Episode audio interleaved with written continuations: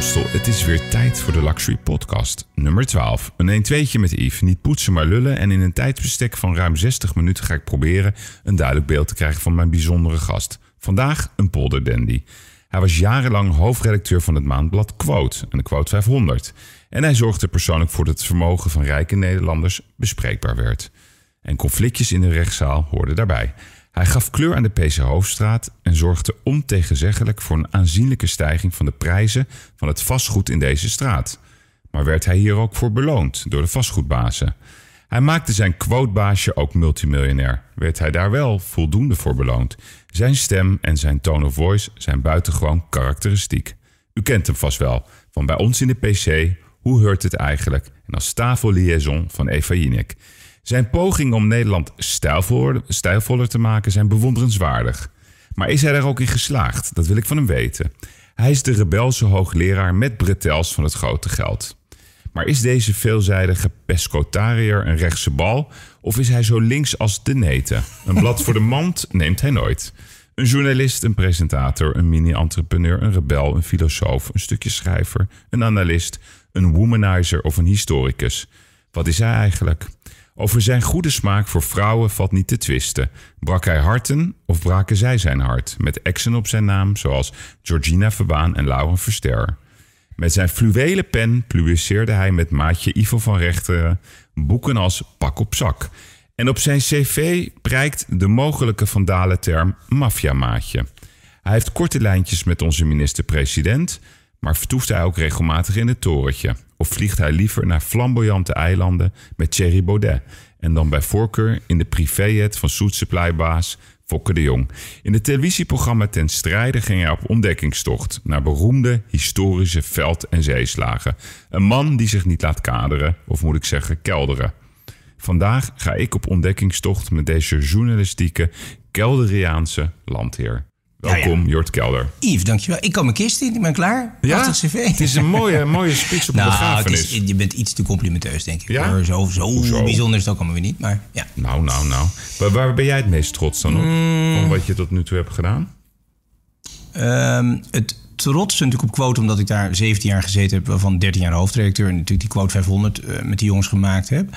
Dus dat is, wel, dat is wel het meest blijvende. Maar het leukste vond ik, eh, hoe heurt het eigenlijk om te maken? Dus ik, ik ben van heel lang Nouveau Riches in de Quote-omgeving, daarna bij ons in de PC op televisie, ben ik natuurlijk helemaal omgeslagen naar die oude kakkers eigenlijk, naar die oude families. En dat vond ik toch wel heel leuk. Daar zitten toch hele rare, excentrieke eh, figuren bij. Bovendien, ik ben erg geïnteresseerd in geschiedenis. En als je natuurlijk zo'n oude familie te pakken hebt... ja, dan kom je meteen bij de kruistochten en de 17e eeuw en noem maar op.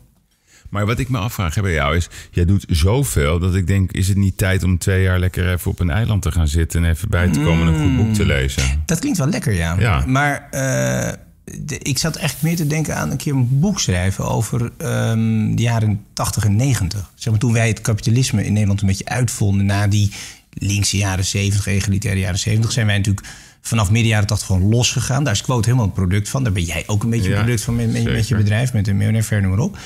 En ehm, dat moet eens een keer goed geboekstaafd worden. Want daar zijn zoveel wilde dingen gebeurd. En eh, ja, dat, dat, kijk, we zitten nu helemaal in de slinger naar links. Dat gaat nu helemaal de andere kant op. Ja, de normale slingerbeweging natuurlijk. Maar vind je dat vervelend dat we helemaal naar links gaan? Nou, want ik, kijk, in veel opzichten ben ik... Jij zei gaan net al, is, je links? zei net in je inleiding al, is die nou eigenlijk links? Ik, ben natuurlijk anarcho-liberaal, ik ben met sommige dingen best links. En alleen wat mij altijd tegenstaat, zeg, wat is het nou dat op het moment dat mensen voor belastingverhoging voor de rijken, box 3, weet je wel, die, die belastingen gaan allemaal omhoog, een procent of 30. Mhm. Dat lees je nergens, allemaal niet belangrijk. Villa-tax is allemaal niet belangrijk, want die, die rijke klootzakken kunnen toch wel hebben. Dat, dat, dat is een beetje de sfeer. En daar word ik recalcitrant van. Ik kan er niet tegen dat de overheid dit je oplegt. Ik vind Ja, dat je goed moet doen voor de mensen om je heen. Dat je eh, eh, genereus moet zijn met geld. Maar ik heb geen zin dat er vanuit Den Haag iemand voor mij bepaalt wanneer ik mijn geld met een ander moet delen. Dat stoort me. Maar dit is wel een hele specifieke quote 500 eigenschap. We houden niet van eh, autoriteiten. Nou, ik hou helemaal niet van gezag. Nee, in tegendeel. Gezag dat- houdt ook niet van mij hoor. Dus Nee, dat klopt. En is de huidige hoofdredacteur van Quote, Sander Schimmelpending, is die erg links? Nou, ik vind hem behoorlijk links, ja. Ehm, nou, kijk, hij is, eigenlijk is hij precies ontwikkeld... wat het, de, de grootste gemene delen van die groep van lezers... Hij is gewoon een millennial. Het is een jongen die natuurlijk ja, uit een zeer bevoorrecht milieu komt. Weliswaar, ik denk niet in, in, in geld heel rijk, maar natuurlijk wel in bezit. Hè. Die De Graven Schimmelpenning heeft natuurlijk mooie, mooie bezittingen, huizen. Vooral het Nijenhuis in de Mhm. buitenplaats. Ehm, tegelijkertijd zit hij natuurlijk helemaal in die eh, beetje eh, millennial-achtige eh, hippe koffie in je hand op je, op je fietsje door de stad sfeer van, nou ja, papi betaalt je huis en je kan vervolgens ja, keurig GroenLinks of D66 stemmen. Komt wel goed. Ik vind hem in die zin best een beetje verwend, maar ook wel een beetje van nu. En tegelijkertijd vind ik hem op één punt ook heel moedig, moet toch zeggen. Hij is bijvoorbeeld voor het verhogen van de erfbelastingen. Nou ja, als je met zoveel vriendjes zit met, met serieus geld, zoals Sander. eh, ja, de, erfbelasting is natuurlijk de killer voor de, voor de, voor de oud-geldfamilies. dus dat vind ik wel stoer van hem. Dus hij is wel, en hij is ook altijd vrouwen die harder moeten werken, die, die niet moeten zeuren. Dat vind ik ook wel leuk aan hem. Hij is eigenlijk, ik vind dat hem toch, hij is toch in bepaald opzicht een beetje de, de, de moderne reïncarnatie van mijzelf. Ja, ja. Maar vind je het ook irritant dat iemand anders over jouw heritage gaat... zonder Nou, dat jij kijk, daar invloed op kan Ik heb uitoefenen? eerlijk gezegd twee niet zulke hele goede opvolgers gehad aanvankelijk. Dus ik heb. Dat was short Ja, dus ik ben. Ik ben eh, Vond je die niet goed? Nou, niet compleet. Dus ik vond Sjoerd van Stokken vond ik een ontzettend geestige gozer. Fantastische autoredacteur, contactenman. Het was altijd feest. Alleen hij had, was niet een echte onderzoeksjournalist. En dat vind ik, dat moet Quote wel hebben. En Mirjam was een hele goede stylist. Maar ook weer, zoals je toch ook vaak bij vrouwen ziet... geen onderzoeksjournalist die, die wezenlijk geïnteresseerd is in graafwerk. En Sander heeft dat potentieel allemaal wel. Alleen Sander maakt natuurlijk de fout die ik ook al heel snel maakte. Veel te veel op tv. Ja, ja. Dus eh, als je een goede redactie wil bouwen, dat is. Kijk, de beste journalisten zie je nooit op televisie. Want die zijn bronnetjes aan het bellen en met klaplokjes door het land aan het reizen. En dat, moet, dat is gewoon hele harde, noeste arbeid. Dat heb ik de eerste jaren bij Quote ook al wel gedaan. Maar het is natuurlijk heel verleidelijk om met de wereld door te zitten. Om echt tv-programma's te maken. Om het, om het, Maar nou is, ja, is Sander misschien een tacticus? Hè? Dat, kijk, hij, hij, wat ik denk hij niet dat hij 13 jaar gaat doen zoals ik. Dat, Nee. is, ook niet, dat is ook ideaal. Maar wat hij ook doet, hij lanceert het. Hij doet het met Ja. verven. Ik vind hem goed hoor. Op tv vind ik hem echt buitengewoon sterk. Hij heeft charmant, hij heeft een bepaalde kwinkslag. Mhm. Ja. Maar dan denk ik ook wel eens, zit er ook een tactische move achter van, weet je, rijken, ik verzet me er tegen, dan heb ik niet dat gezeur. Nou, is ook wel marketing. Kijk, Ja. ik was het. het Maar is het het dus gemeend? Dat is mijn vraag. Nou, dan moet, je, Meent dan moet je natuurlijk echt aan hem vragen. Nee, dat maar geloof jouw observatie. De keren dat ik het met hem over Ja, ja. ik geloof het wel, ja. Ja, maar er is natuurlijk, kijk, is, is natuurlijk ook wel iets gebeurd. Toen, toen Mm. Quote voor het eerst met die 500 kwam, in het midden van de jaren 90... toen was dat helemaal nieuw. Er reden rode Ferraris door de PC Hoofdstraat. Mensen gingen Italiaanse maatpakken kopen, dikke horloges. Ik bedoel, die hele glamorous kant. Ja, dat, dat Ja. was toen nieuw en daar laafde men zich aan. En dat Ja. was ook best een beetje... Nou, dan krijg je die eerste crisis.com bel. Dan krijg je later in 2009 een crisis. Was wel en, leuk trouwens. En dat was ontzettend lachen. Het was eigenlijk bandeloos, Ja. onverantwoordelijk. Maar het was, ja, jij lacht er ook aan. Ik kan er met jou ook echt om lachen. Ik bedoel, Ja. ik herinner ons de trip in, in, In Moskou. in, in Moskou... met een verlengde, goudkleurige Porsche Cayenne van de meter Ja, of 12. Ik bedoel, het kan natuurlijk helemaal niet, maar ik ben blij dat ik het meegemaakt heb. En nu moet alles correct en alles duurzaam en alles op je tel. Ik hoorde nu bijvoorbeeld op de nieuwe redactie van Quote... dat er ook geen alcohol gedronken meer mag worden. En zo, Oh. Dat dat in dat pand en dat... Nou, ik geloof dat bij ons voor lunch de fles al open was. Dat is Ja, onverantwoordelijk. Eh, Ik bedoel, eh, mijn redactie heeft toch meerdere keren de publiciteit gehad... dat de helft zo ongeveer aan de kook was. Hmm. Ehm, waarvan de brave hoofdredacteur zelf zegt die lafaard eh, nooit. Maar ja, dat was het niet zo geheimzinnig. Het is in die zin allemaal wel veel braver en binnen de lijntjes... Maar het is ook deze tijd. Binnen want- lijntjes of- want- of nou ja, binnen die andere, binnen de Ja. officiële overheid. Maar kijk, het punt is volgens mij dat die. We zijn natuurlijk een beetje doorgeschoten. En met al dat geleende geld en al die patserigheid zitten, zijn we nu in een andere wereld aangekomen. We zijn er echt achter gekomen dat heel veel rijke mensen gewoon geen, geen belasting betalen. En grote bedrijven ook niet. En deugt natuurlijk ook niet. Daar heb ik me altijd aan gestoord. Ja. En, en quote, mensen denken dat quote was voor eh, oplichting, voor grote bedrijf, voor mensen. Nee, Nee, maar quote was juist heel kritisch en pesterig. Ja, en altijd een spiegel, vaak een lachspiegel voorhouden. Maar wat natuurlijk wel interessant is, en dat, dat, dat vind ik. Kijk, quote was pesterig. Eh, kunnen we straks over een paar casussen Stout hebben. waren we. Stout, maar ja, oh, soms ook wel pesterig. Ik bedoel, ik heb hier een lijstje gemaakt, mag je over nadenken. Eddie de Kroes, Bram Moskowitz, Estelle, Nina Brink. Ik heb nooit meer iets van die mensen gehoord. Nee. Sinds we daar alles mee nee, maar je, je kon, Goed je- gedaan. Nee, weet ik. kon wel een beetje pesten. Maar wat natuurlijk het meest interessant is, is ja, ehm, de fiscale routes van Shell. Eh, de, de, de, de, de, Antilliaanse constructies. Want Ja, kijk, maar, de ook, kern, de, Ja, ook, de- de, ook de fiscale routes van de quote 500 mensen. Sorry. Ik vind dat de- als jij een individu bent en je kinderen gaan hier op school en je ouders liggen hier in het ziekenhuis, dan moet je ook gewoon hier belasting betalen. Maar goed, de boodschapper is ook niet zo braaf. Ik bedoel, het hoofdkantoor van Quote Zeker. is Hurst. Quote is een financiële constructie Ja, het zelf. is gewoon een financiële constructie. Ja, het was Hearst. Het is nu. Ja, Ja, het is Hearst, Hearst. ja. Hearst heeft zijn vis. Eh, ik geloof dat de directeur van Quote zo nu dan 400 handtekeningen moet zetten voor allerlei vennootschappen. Of je Dus weet ik, het. Ik ben zeer. ben- nou, hij vertelde me dat een keer. Dat, dat moet hij echt wel even eh, een stapeltje. Nee, maar het is toch een beetje gênant eigenlijk om je zo... Ik zo- ben zeer benieuwd wanneer we dit gaan lezen. Kijk, dat had ik, moet ik zeggen, wel onmiddellijk in quote geschreven. Exact, dat bedoel ik. Wij hebben natuurlijk in het begin, van, toen ik eigenlijk nog geen hoofdredacteur was, een waanzinnige mot met onze aandeelhouders gehad. Bijvoorbeeld Ventner van Die via Noro, een beleggingsfonds, erin zat. Maar ook de NMB toen nog, meneer Scherpenhuizen, rombankier. Dat was echt oorlog met onze eigen aandeelhouders. Ja. Omdat op het moment dat de redactie erachter kwam wie aandeelhouder was, nou, daar ging het eerste verhaal meteen over. Ja, nee, maar... Het was wel waar meestal. Ja, nee, maar dat is die geloofwaardigheid. Weet je, dat, dat heb ik altijd wel mooi gevonden aan jou. Jij, jij publiceerde je, Je moet gewoon niet te koop zijn. salarisstrookjes. Ja, niet exact. te koop zijn. Maar dat doen ze dan niet. Nou, dat, ik. ja, maar jij wil mij. Kijk, jij is wil mij. Ik snap het. point. Nee, maar kijk, eh, Yves, jij wil mij natuurlijk allemaal uitspraken over eh, Nee, Sander nee, en nu. en, nu is alles braaf en anders. Het is ook een andere tijd. Je had als quote precies zo door was gegaan zoals ik het achterliet, dan was het natuurlijk al lang kapot geweest. Hmm. En ehm, ik vind, ja, hij doet. Kijk, het feit dat hij dat blad wel goed verkoopt op televisie. ehm, eh, dat heeft hij een er goed hele uitziet. En dat, hij, en dat hij een beetje een linkse koers. Ja, dan, zijn, dan is een, een deel van de achterban is kwaad. Maar de millennial achterban ik vind dit natuurlijk fantastisch. Want dat Ja. is hun toon. Klopt. Dus ik vind eigenlijk dat hij dat best slim doet. We kijken even naar de nieuwe lijst. We zijn natuurlijk buitengewoon actueel. Eh, heb je hem al bekeken? De nieuwe Doorgebladerd. Ja. En ja, god, ja, kijk, aan de ene kant komt er nooit zo heel veel nieuws in. Eh, er- binnen de miljardairskringen wel wat... eh, Maar wat, wat is even jouw eerste indruk van de nieuwe lijst? Nou ja, dat, we worden weer rijker. Tenminste, we. Ik sta er helaas niet op. maar, Nee, maar dat is, ehm, is altijd ja, kijk, het is koppenspel. Kijk, het, het, goede van quote is, het lijkt eigenlijk wel redelijk op hoe ik het dan ooit heb achtergelaten in, in eh, zeg maar twaalf jaar geleden. Het slechte is dat het natuurlijk eigenlijk toch globaal hetzelfde is. Dus Sander schrijft bijvoorbeeld in zijn inleiding: het was vroeger was het een gouden gids voor geld en nu is het eigenlijk een inspiratiegids geworden. Nou ja, dat Voor deden wij. ja. Jawel, dat is ook, dat is ook waar, maar ik, dat deden wij natuurlijk ook al wel. Ik bedoel, wij Ja, belden ja. ook al die kerels op. Hoe, hoe, hoe flik je dit? Hoe, wat is je geheim? Waarom ben jij wel Maar, maar succesvol? hoe zat dat natuurlijk? Want even, eh, daar ga ik toch even iets over zeggen. Over de waardering van die vermogens. Ja. Eh, Hoe we dat deden. Nou, jij weet ook hè, natuurlijk dat, eh, dat zeggen zij zelf ook in hun, in hun, volgens mij in hun voorwoord. Ja. Dat veel ondernemers, ja, die pakken gewoon de boete. Die denken, what the fuck. Dus daar kan je helemaal niet achter komen wat hun jaarrekeningen zijn. Daarnaast is het zo, je loopt altijd zeker twee jaar achter de feiten in verband met de deponeringsdata. Ja. Dus, dus als jij Nee. zegt, ik ben Weet 2019... je wat mijn uitgangspunt was? Ja, kijk, maar- we hadden een mannetje of... Hoe werkt dat eigenlijk? Nou ja, kijk, in de tijd dat wij ermee begonnen, eh, dan stelden we vijf, zes, zeven redacteuren vrij. Eh, gedurende een aantal maanden. En die gingen alleen maar graven in alles wat je officieel kon vinden. Maar daarnaast natuurlijk ook wel eh, de boosaardige ex. die nog wat weet van de man, de, de branchegenoten, de, de man op de hockeyclub. De, dus daar zat een heel netwerk van bronnen omheen. We hadden een database van meer dan duizend families, waarvan we toen dachten meer dan 20 miljoen waard. Die zullen ze zeker nog hebben, die zal uitgebreider zijn. Maar ik wist natuurlijk altijd, het is een benadering van wat ze waard kunnen zijn. Want wat nou het grote probleem is, en dat zag je altijd als een crisis uitbrak.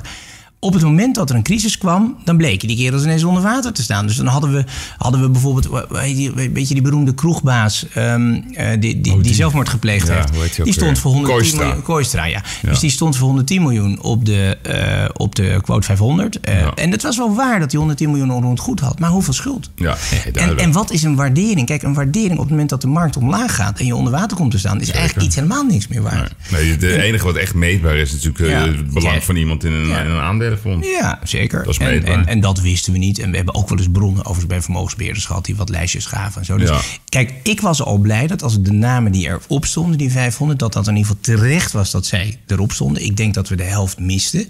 Oud geld zagen we niet goed. Ehm, bovendien, hoe is het vermogen binnen die families verdeeld? Als je de Venter van Vissingen familie of de Van de Vorm familie pakt, hè, die, die echt die miljardairsfamilies, ja, hoe zit dat precies? Wie heeft het grootste pakket? De Brenninkmeijers, dat zijn er honderden. Ja. Dat lijkt heel veel, maar wie is daar ook. Venteners, Ja, ja, eh, en ik nog in de derde- 2002-lijst stonden volgens mij drie Venteners in de top 10. Ja. En ja. dat is veranderd Ja, uiteindelijk. ze hebben dat opgesplitst naar, naar, naar, naar families en Ja, naar ja, individuen. Daar hebben ze ook gelijk in. Maar ook, ik bedoel, ik, zie nu, ik zit toevallig te kijken op Marcel Boekhoorn. Vind ik een fantastische vent op zich. Die staat nu met 2 miljard. Lijkt mij arbitrair. Want hoeveel is die techcampus dan helemaal waard? Ja, nou ja alleen als je kijkt naar de HEMA-schuld is 800 Nou ja, precies. Als de HEMA omvalt, dan staat er echt geen 2 miljard meer. Nee, dus, Maar dus, de conclusie is... het is gewoon hartstikke leuk uh, materiaal om te lezen... om erover te praten, om over te lullen. Ja, maar... Het de is waarheid ligt in het midden. Ja, maar al die mensen die hierin staan... kunnen over het algemeen bij jou op de beurs wel een, uh, een autootje kopen, hoor. Ja, nee, En ook wel cash. Ja, nee, dat denk ik wel. Oké, Ja. we hoeven geen zorgen te maken. Nou ja, en het is ook vergankelijk. Want als je de eerste lijst uit eh, 1997, was de eerste quote 500, als je erbij pakt, ja, dan is daar, ik denk dat, ze hebben het eens uitgerekend. Ik geloof dat er twee, drie jaar geleden nog maar 170 van de eerste lijst op stonden. Er zijn natuurlijk een paar mensen dood Ja. en enkeling geliquideerd. Eh, en er zijn ook wat, wat, wat, er is wat nieuw geld. En dat is natuurlijk altijd het leukste van Ja, de die lijst. nieuwe jongens. Kijk, al dat vastgoed, dat zal allemaal wel, dat vind ik Ja. niet interessant. Nee, maar de Pieter, Ehm, Zwarte van deze Ja, Pieter wereld. Zwart, Jitse Groen, Ja. eh, thuisbezorgd. en, en dat vind ik trouwens ook wel een leuk. Er is een categorie, er zijn een paar van die jongens... die zijn allemaal in het jaar 2000 begonnen. Dus in deze eeuw nog. Dus Pieter Zwart, Fokke de Jong en, en, en Jitse Groen... die zijn alle drie met dat bedrijf gestart. En die zitten nu alle drie best hoog in die quote 500. Mhm. Ja. Een enkeling zelfs al miljardair. En dat, ik vind die gasten, die zijn zo razor sharp. Die zijn zo, zulke goede ondernemers. Ja. Hele scherpe kerels. En dat vind ik wel een leuker soort ondernemer... dan die kerel die naar de bank gaat... even een hefboompje erop pakt, 12 keer eigen vermogen. Eh, En dan gewoon met geleend geld omhoog waait Nee, in de nee, maar welvaart. goed, het zijn de slimme jongens die nu rijk aan het worden zijn. Ook Ja, in maar- Amerika. En vooral, ik vind, kijk, ja, maar met geleend geld rijk worden is iets anders. Dat is gewoon, dat is gewoon het effect van, ja, eh, geldcultuur. En die, maar die creëren niks. Die bouwen hooguit hele lelijke gebouwen. ja. Maar die jongens die dus echt vanuit hun studententijd een bedrijf starten... wat zo lastig is om daar goed en dan de nummer één in de wereld te worden. is lastig Maar goed, aan de andere kant, eh, belangrijke vastgoedbazen die het stadsbeeld in Nederland op een goede manier veranderen, die hebben we gehad. Ja, maar die zijn wel schaars, hè? Heb je wel eens Nou, het stadsbeeld gekeken? ik- ik vind zijn, ik vind Kronenberg een hele ja, precies. Kronenberg Groep is, is uitzonderlijk. terwijl- zijn grootvader er een rotzooitje Ja, van nou maakte. ja, die was anders. Nou ja, dat, dat waren gewoon agnebbespandjes. Nee, maar die kwamen uit de oorlog, En, ja, en die Leslie, die Leslie Ja. wat ik trouwens ook een sympathieke vent vind... Heel. die heeft dus, die heeft dus zo'n kwaliteitseis Ja, gesteld aan dat bedrijf. En we stoppen nu met die rotzooi. We gaan alleen maar naar de top van de markt. En verdient daar dus ook... Er is ook nog geld te verdienen. Nee, dat is een fantastisch zon. En die man uit Rotterdam, die heel duurzaam is. Ik ben even van Oosterom, ja, van, mij. ja, ja. Koen van Oostrom. Ja, Ja, die, die, die bijvoorbeeld die ads bouwt en Ja, zo. En nou, de- dat ziet er goed Eh, uit. Nee, maar dat zijn, die zijn, ja, oké, maar die zijn, ik vind over het algemeen is natuurlijk het grote vastgoedgeld verdiend in de handel. En handel is natuurlijk marge, dat, dat voegt op zich niet veel toe. Maar als jij nu kijkt, hè, anno 2019, nog steeds die angst om te vertellen wat je bezittingen zijn, Mhm. om je successen niet eh, te delen of te roepen of wat dan ook. Dat was in 2002 zo en Ja. dat was volgens mij in de 80 jaar En zo. ik zal Leg- er even heel direct uit. over zijn. Ja. Ik vind het eh, eh, vaak heel hypocriet. Die, die, die beruchte ontvoeringen komen allemaal uit de jaren tachtig. Dus eh Freddy Heineken, eh, mevrouw eh, of, of meneer Gerrit Jan Heijn, vermoord natuurlijk ook. eh Mhm. eh, Albert. Jelgsma later. Het is eigenlijk allemaal van voor die quote 500. En natuurlijk is het waar. Er bestaat zoiets als een quote 500 bende, geloof ik. Zo'n uh, inbreker Ja, schilder. zeker. Maar als jij nou welke straat in Wassenaar inrijdt... en je gaat naar huis en heb je altijd 10 of 100 miljoen te pakken. Het maakt niet uit. En, en, bovendien, als ze op de bank niet willen hebben... hebben ze misschien iets aan het haakje hangen. Ja. Dat je mee kan nemen. Dus ik vind dat zo'n onzin. Wat erachter zit, en ik heb heel vaak gedonder mee gehad... Er zit gêne tegen het personeel. Eh, zoals Aad Aalborg een keer zei... ja, nee, het is wel zo, maar je moet, want ik moet alle rondjes nu ineens afrekenen. Iedereen gaat salariseisen stellen. Dus als je- als jij in je vriendenkring als rijk geïdentificeerd wordt... ja, is wel duidelijk wie het rondje gaat betalen. Daar hebben ze geen zin in. En nee, maar en als jij de grote jongen loopt uit te hangen... dan is natuurlijk je personeel ook wat minder geneigd om te zeggen... we gaan even op de nullijn verder. Dus ik ben erg voor transparantie. En als jij in deze vrije wereld... en ze hebben het ook aan het, de, de, het kapitalisme even grof gezegd te danken... dat ze zo- zo'n enorm succes hebben behaald. Ja, de prijs die ze daarvoor betalen is En ik ben zeer voor openbaarheid van belastingen. Dat je gewoon in een register, zoals in Scandinavië, kan opvragen wat betaalt die vent. En wat er dan zal blijken, Yves, ineens gaat kaf en koren gescheiden worden. Want dat er een paar hele grote jongens zitten die eigenlijk niks betalen. Ja, wel BTW, maar niet inkomstenbelasting.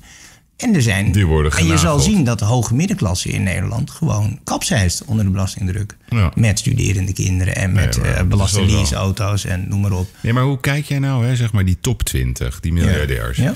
En Warren Buffett roept in Amerika, ja, ik vind het allemaal belachelijk, we moeten meer betalen. Nou, hij betaalt niet. Dan denk ik, ja, weet je wel, dat ge- gelul van deze man, maak het dan over als je het niet eens bent met het systeem. Dus ik heb daar eigenlijk nog meer moeite mee Ja, ja. met dat soort uitspraken als mensen die erover klagen of mensen die eh, in stilte dingen doen die, niet- die ondeugend zijn. Ik vind Ja. als je zo rijk bent en ook de manier hoe Buffett rijk is geworden, eh, ik, ik ben het niet eens met de credits die hij krijgt. Eh, Nou, het heet Hij- de Giving Pledge. hè. Zij Ja. zeggen, wij Nee, beloven dat we na ons ja, leven alles zegt- weggeven. ja, laten we het en geef je kinderen zoveel dat ze alles kunnen doen. Ja. Maar, maar, maar, Maar dat is ook wat. eh, maar niet zoveel dat ze niks meer hoeven te doen. Om een idee te geven, Zuckerberg die roept ja, 1% nog maar is voor mezelf en de rest geef ik weg. Maar hij huurt wel de Noma in Denemarken af om met zijn vriendin te lunchen.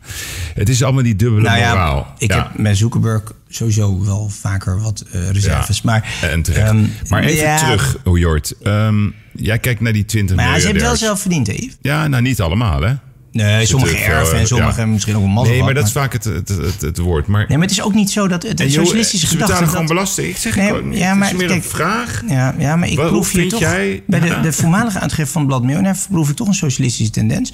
Waarbij je dus eigenlijk altijd moet verantwoorden dat je rijk bent geworden. Nee, dat en, en eigenlijk is alles van de overheid, tenzij je kan bewijzen dat je ook wat voor jezelf nodig Nee, hebt. dat ik zeg niet ik ook niet. Want ik, ik Alleen, ben, ik ben ze moeten goed doen. Nee, maar waar mij het om gaat is... Ik snap gewoon niet, misschien moet ik het nog duidelijker maken aan jou. Ik vind, ik ben, het zou heel raar zijn, ik ben voor het vieren van succes. Ik ben ook voor het uitgeven van geld en investeren. Die indruk had ik, ja. Ja, daarom, joie de vivre. Maar ik heb best, best wel moeite met, met, met, met zeg maar die extreme rijkdom van zowel bedrijven, Shell, Unilever, als bepaalde miljardairsfamilies die zich verstoppen. Ja. Charlene Carvalho Heineken.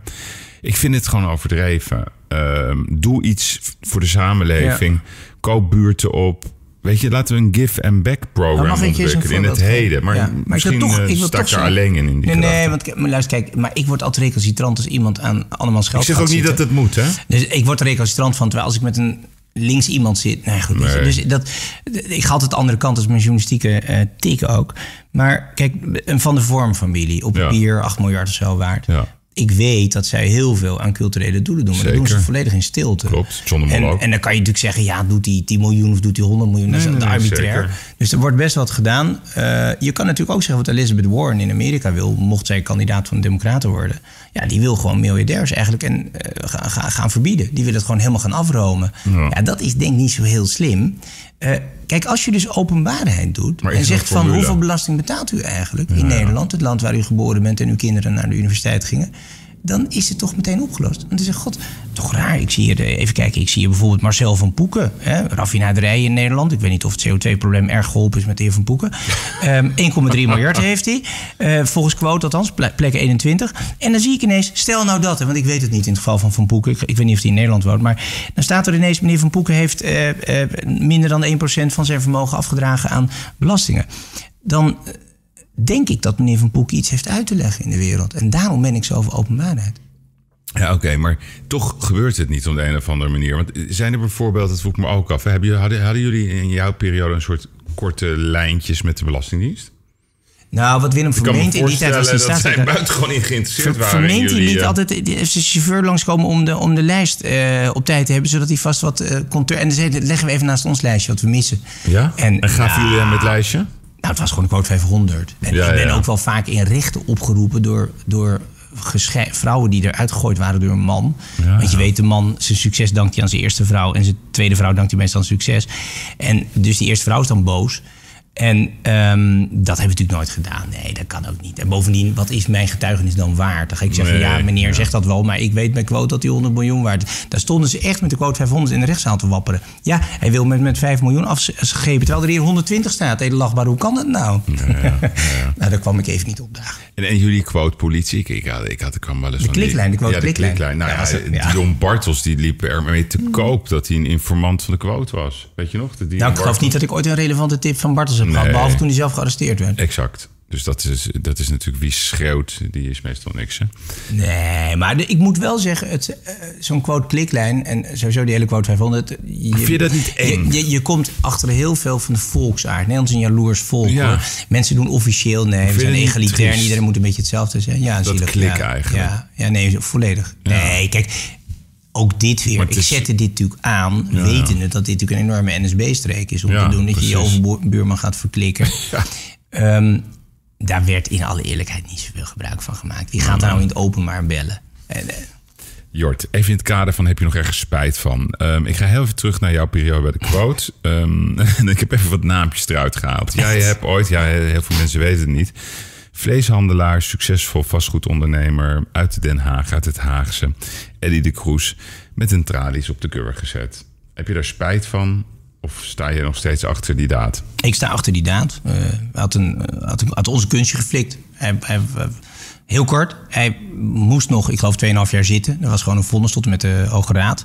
Daar is hij onderuit gekomen. Toen is uh, Erik Smit daar een verhaal over geschreven. Hoe kan dat nou? Ja, hij stond natuurlijk ongelooflijk voor paal in zijn omgeving. Het hebben we ook nog tot overmaat van ramp hebben met, ja, in een soort cel uh, gefotografeerd. En met tralies voor zijn hoofd. Dat komt omdat hij zich. Ik had eigenlijk een afspraak met hem gemaakt dat ik exclusief verhaal met hem ging maken. En toen ging hij met de Telegraaf zitten praten achter mijn rug. Hij brak eigenlijk alle afspraken af. En toen dacht ik, nou pak ik je. Dus ik had, het is een heel lang verhaal in detail. Maar hij vertelt al twintig jaar in zijn omgeving om zijn gezicht te redden dat het allemaal aan ons lag. Maar hij heeft zelf iets heel doms gedaan. Hmm. Uh, A, heeft hij zelf uh, heeft hij een strafblad, ik niet. En B, uh, heeft hij gewoon een afspraak met mij gebroken, waardoor ik gedwongen ben. Geen beschuit met muisjes als ik heb, Nou, nee, maar ik heb natuurlijk. Kijk, je moet even één ding scheiden. Ik heb natuurlijk niet per se een persoonlijke hekel aan die mensen. Nee, ik heb niks tegen die man. Net, nou pak ik je. En, ja, omdat hij. Uh, ik had uitdrukkelijk afspraak met hem gemaakt. Ik hou een verhaal wat al klaar lag. Ik haal het bij de drukker nu weg. Dat is voor mij technisch best een probleem. Toen ging je naar een ander. En toen hoorde ik binnen luttele dagen dat hij met. De, hoewel hij officieel in het buitenland in retraite was op een sapkuur in Marbella. Dat hij al bezig was met de Telegraaf om het verhaal daar te gaan verkopen. Om het, zeg maar, het verhaal van quote on, onmogelijk ja, te maken. en toen precies. dacht ik, ja, dat moet je me niet flikken. Okay. En dat is echt waar hoor. Maar dat hoor je hem dan nooit tegen zijn familie vertellen. Dat, dat, die versie horen ze nooit. Nee, maar kijk, ik kan me wel voorstellen dat zo'n vent zich waanzinnig uh, uh, belazerd voelt. Als, nou ja, belazerd in de zin van dat hij... Hij staat natuurlijk ontzettend voor gek. Hij is toen gearresteerd. Op basis van een quoteverhaal ja, nee, moest hij zich melden. Hij moest in de bak. Ja. Ja, maar hij moest 2,5 jaar in de bak. Hij is nu met een week afgekomen. Ik zou okay. zeggen, je kan ons dankbaar zijn. Ja. ja. Nee, ik plaag nu. Ik zet het ook weer een beetje aan. Alleen dat slachtofferschap. Laten we even één ding. Je bent journalist om de waarheid op te schrijven. Ja.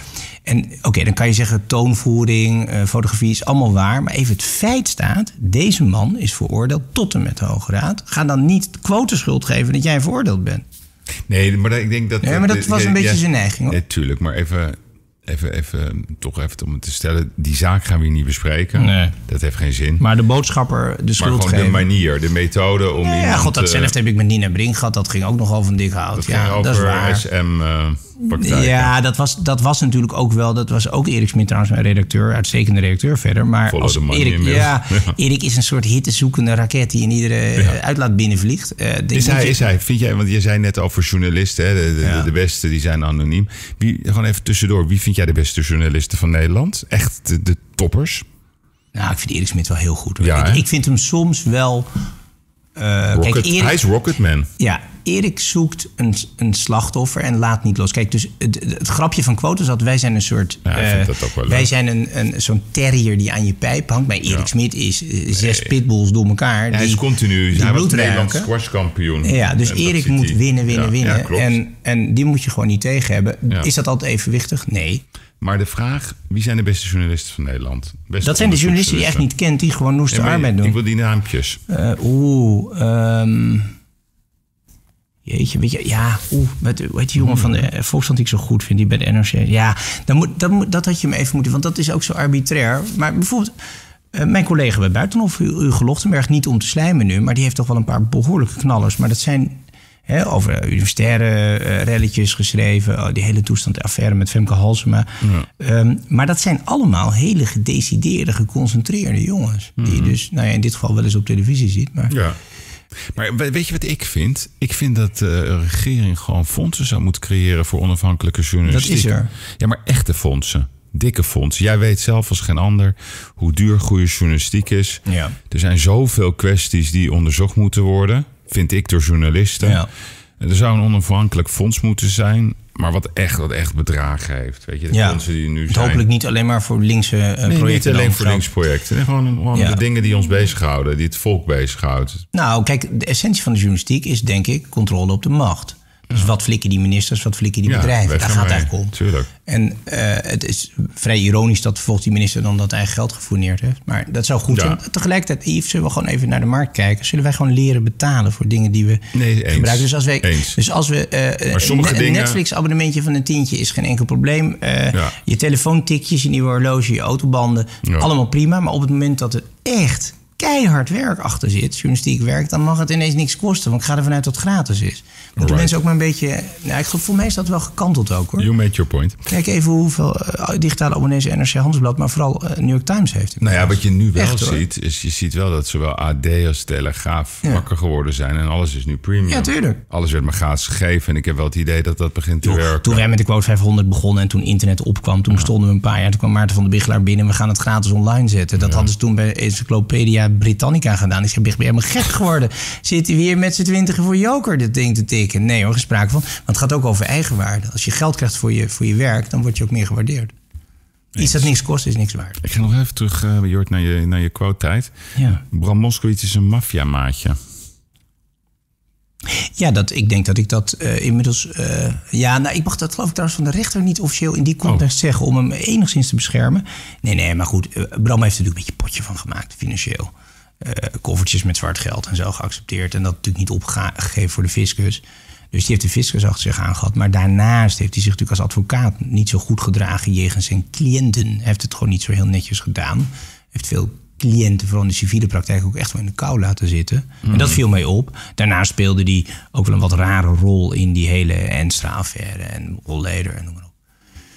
Kijk, het is natuurlijk een heel hard eh, oordeel. Het is een hele charmante vent. Ik heb ook mm, mensen zeggen vaak, ja, eigenlijk lijkt jij heel erg op hem in allerlei opzichten. Ehm, misschien Nou, is dat zo, maar nou ja, dat tot zover wil ik meegaan. Maar ehm, kleding. ja, ik weet niet of dat nou zo heel bepalend is. We hadden dus Grote ook kleermaker belangstelling te- voor de dames.